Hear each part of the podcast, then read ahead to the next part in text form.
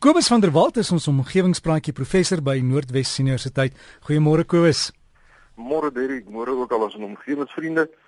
Ek wil vanoggend begin met 'n brief wat ek ontvang het van meneer NC Botha. en hy sê die stukkie inligting verlede week dat as jy nou een toutjie plat om die aarde span en 'n ander toutjie 2 cm bo kan die eerste toutjie, met ander woorde 2 cm hoër reg rondom die aarde, dan sal laasgenoemde toutjie net 12.5 cm langer wees as die eerste toutjie as jy onderste een. En ook dat hierdie 12.5 cm geld vir alle groot sirkels. Hy sê dit het hom weldra na sy garage toe laat hardloop waar hy nou verskeie sirkels op klein en groot stukke papier geteken het en fisies toutjies om die omtrekke gespan het om doodseker te maak dat die 12.5 cm korrek is. En hy sê wel dit is. En sy vraag is, wat is so besonder aan 12.5 cm? Miskien tog, hoekom kan die antwoord nie byvoorbeeld 10 cm wees nie? Hy sê hy is geen wiskundige nie, maar hy sien toe as mens die toutjie, die tweede toutjie uh, net 1 cm bo kan die ehm um, die die die die toutjie, die ander een nou lig, met ander woorde die die uh, af, die verskil in radiusse is nou net 1 cm, dan is die antwoord 6 en 'n kwart cm. Met ander woorde die helfte van 12 en 'n half. En as jy hom 3 cm hoër span, dan is die antwoord 18 en 'n 3 kwart. Nou vra hy of die geheime getal dus eintlik 6 en 'n kwart is. En volgens hierdie konstante, as dit nou die regte term is, sal die toutjie wat sal 'n toutjie wat mens nou 1 km bo kan die grond span reg rondom die aarde, uh, dis net 16 meter langer wees as die tou wat dan nou op die grond lê. Uh en dit klink nou net so ongelooflik as die oorspronklike 12.5 cm. En dan eindig hy sy brief met 'n versigtiging soos hy dit stel. Hy sê dat hy as quasi-filosoof wens dat die wetenskap maar die menslike siel so presies wiskundig kon uitreken. Baie dankie meneer Botha vir u vraag, maar die antwoord is nie dat die lengte van die tweede toutjie veelvoude van 6 en 'n kwart is nie. Dit het te maak met die wiskundige formule waarmee mens enige sirkel se omtrek kan bereken. En as jy nou terugdink aan die skool daar, sal jy onthou dat 'n sirkel se omtrek bereken word deur die formule 2 pi radius waar pi 22 gedeel deur 7 is of as mense dan nou desimaal wil uitdruk dan is dit 3,14. As die boonste tou daarom 1 cm gelig word, dan sal die verskil tussen die radiusse van die twee toue uh dan nou net 1 cm wees en as mens dan die sommetjie maak 2 pi uh, radius dan is dit 2 maal pi maal 1 en dit is 6,28 cm en nie 6 en 'n kwart nie. As die boonste toutjie nou 2 cm opgelig word, dan verskil die radiusse van die twee toue met 2 cm en dan sal die sommetjie 2 pi maal 2 cm wees. Die radius is dan 2 en die antwoord is dan 12,57 cm wat die groter sirkel se omtrek dan nou uh, langer is as die kleiner sirkel. Hier Botha se som oor die geval waar die een tou 1 km hoër gespan word as die een wat op die grond lê. Uh as mens hom nou uitwerk, dan is die groter sirkel se radius 1 km langer as die kleiner sirkel. So die som om die omtrek te bereken sal dan 2 pi maal 1 km wees en die antwoord is dan 6,28 km en nie net 16 meter soos wat meneer Botha bereken het nie. Uh en as hy nou net met die veelvoude van 6 en 'n kwart gewerk het nie. So die geheime getal waarna u verwys en wat die oorsprong van die vreemde antwoorde is is dis nie die uh is dis nie 6 en 'n kwart nie, maar dis die konstante pi wat die verhouding tussen die radius en die omtrek van 'n sirkel is. Nou 'n interessante feit van die getal pi wat ons nou ken as 22 op 7. Uh en dit is dat hierdie getal nie presies as 'n gewone breed uitgedruk kan word nie en as mens die getal nou in 'n desimale vorm wil uitdruk, dan is die antwoord by benadering 3,14159. Maar as mens nou aanhou om na die om die desimale na die komma uit te werk, dan sien jy baie vinnig pi is 'n getal wat nooit presies uitgewerk kan word nie. En die syfers na die komma sal ook nooit die punt bereik waar dit 'n herhalende patroon aanneem nie. Met ander woorde, die syfers na die komma lyk of dit heeltemal willekeurig is. nou wiskundiges probeer steeds om die waarde van pi al hoe fyner uit te werk en die jongste resultaat van pi wat in 2013 met 'n superrekenaar bereken is, is 'n syfer met meer as 13,3 miljoen miljoen syfers na die komma. En nog steeds is dit uiteinde nie. Die mens weet nog steeds nie presies wat die waarde van pi is nie en ons sal dit seker ook nooit weet nie. En meneer Botha het sy brief, sy navraag afgesluit met 'n filosofiese versigtiging dat die wetenskap nou maar net die menslike siel so wiskundig kon uitreken. Ek wil graag hierdie besprekingkie ook afsluit met 'n met 'n stukkie filosofie.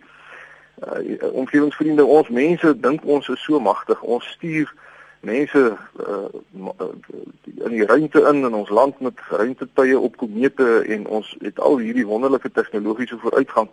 Maar ons kan nog nie eers die verband tussen die radius en die omtrek van 'n sirkel presies bereken nie. En ek dink dit plaas dinge so bietjie in perspektief oor die mens se posisie in die groter uh geheel. Maar nou ja, genoeg wiskunde en filosofie vir so vroeg op 'n Saterdagoggend. Ek wil ook graag 'n brief behandel van meneer Charles Beeks van Rand en Dal en hy raak 'n belangrike omgewingskwessie aan. Hy skryf dat hy 'n tydjie gelede op 'n klein hoewe in die Kreeusdorp omgewing afgekom het op die eienaar wat besig was om al die bye op sy perseel op groot skaal te vergiftig. En toe hy hom nou daaroor konfronteer, toe sê die persoon dat sy vrou allergies is vir bysteek en dat hy daarom besluit het om al die bye op sy plot uit te roei. Meneer Biek sê 'n by produseer in sy hele lewenstyd maar slegs 1 teelepeltjie heuning. En dit is ironies dat mense wat nou vreeslik lief is vir heuning gewoonlik glad nie naby 'n by wil kom nie. Uh en ten spyte van die geweldige tegnologiese vooruitgang van die mens is ons steeds nie in staat om heuning kunsmatig te vervaardig nie. En verder is bykans elke vrug op aarde afhanklik van bye vir bestuiving. En nou vra meneer Brieks, uh, meneer Brieks, skiek hoe enige mens so klein geestig kan wees om bye uit te roei sonder om aan die gevolge daarvan te dink. Hy sê hy het nog nooit daarvan gehoor dat bye iemand steek as die persoon nie moeilikheid soek met die bye nie. Nou ja, meneer Brieks, hier het ons met 'n uh, tamaletjie te maak, want dit is wel waar dat 'n enkele bysteek dodelik kan wees vir iemand wat nou baie allergies is daarvoor. En ek dink by verre die meeste mense soek nie moeilikheid met 'n by voor hy gesteek word nie. Dit gebeur maar as 'n ongeluk waar iemand nou op 'n by trap of op hom gaan sit of so iets. Uh net so terloops. Ek dink ons is almal as kinders geleer dat 'n mens die angel as 'n by jou nou steek, dat mens die angel met 'n skerp voorwerp uit jou uit jou vel moet uitkrap want die geloofie is as jy hom nou met jou vingers probeer verwyder dan druk jy nou net meer gif die vel in. Maar 'n studie wat in 1996 reeds in die vaktyd uh, vaktydskrif Lancet verskyn het, het bewys dat dit baie belangriker is om die angel so gou as moontlik uit die vel te verwyder, selfs al pluk jy hom met jou vingers uit. 'n Vertraging van selfs net enkele sekondes sal veroorsaak dat daar heelwat meer gif in die vel ingepomp word. 'n Wyse angel is so ontwerp dat hy losskeer uit die by se lyf uit en dan hou hy aan om gif in jou weefsel in te pomp. En die studie het bewys dat dit nie waar is dat jy meer gif in die vel indruk as jy die angel met jou vingers verwyder nie. So as jy nou weer te maak kry met 'n bysteek, pluk daai angel so gou as moontlik uit, want in die paar sekondes wat jy nou gaan soek na 'n mes of 'n ander skerp voorwerp, pomp die angel aanhoudend nog gif in die vel in. Vat hom maar met jou vingers en pluk hom so gou as moontlik uit jy sal nie meer gif in die vel indruk as wat die angel self besig is om in te pomp nie. Maar nou goed, terug by meneer Biek se opmerking. Ek stem saam dat dit heeltemal onaanvaarbaar is om hele kolonies bye met gif dood te maak. As bye naby jou nes, uh, naby jou huis nes maak, laat kom maar 'n byevanger om die nes te verwyder, want bye word reg oor die wêreld minder en mense wat bye eenvoudig uitroei, dink regtig nie mooi oor die saak nie. 'n Heelingby vlieg so ver as 6,5 km van sy nes af om nou nektar en en en ehm um, die blommetjies te bestuif. So dit is onverwendbaar dat alle mense die gevaar loop om deur 'n by gesteek te word. Selfs al is daar geen byekorwe naby jou huis of naby jou werkplek nie.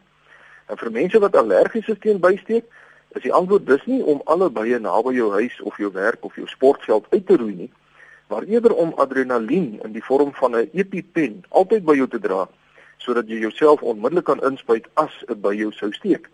Vir mense wat lewensbedreigende reaksies toon, het navorsers by die Johns Hopkins Universiteit in die VSA 'n hele tyd gelede reeds 'n reeks inspuitings ontwikkel wat hulle mense nou kan gee en die inspuitings maak mens immuun teen verdere bysteke vir die res van jou lewe.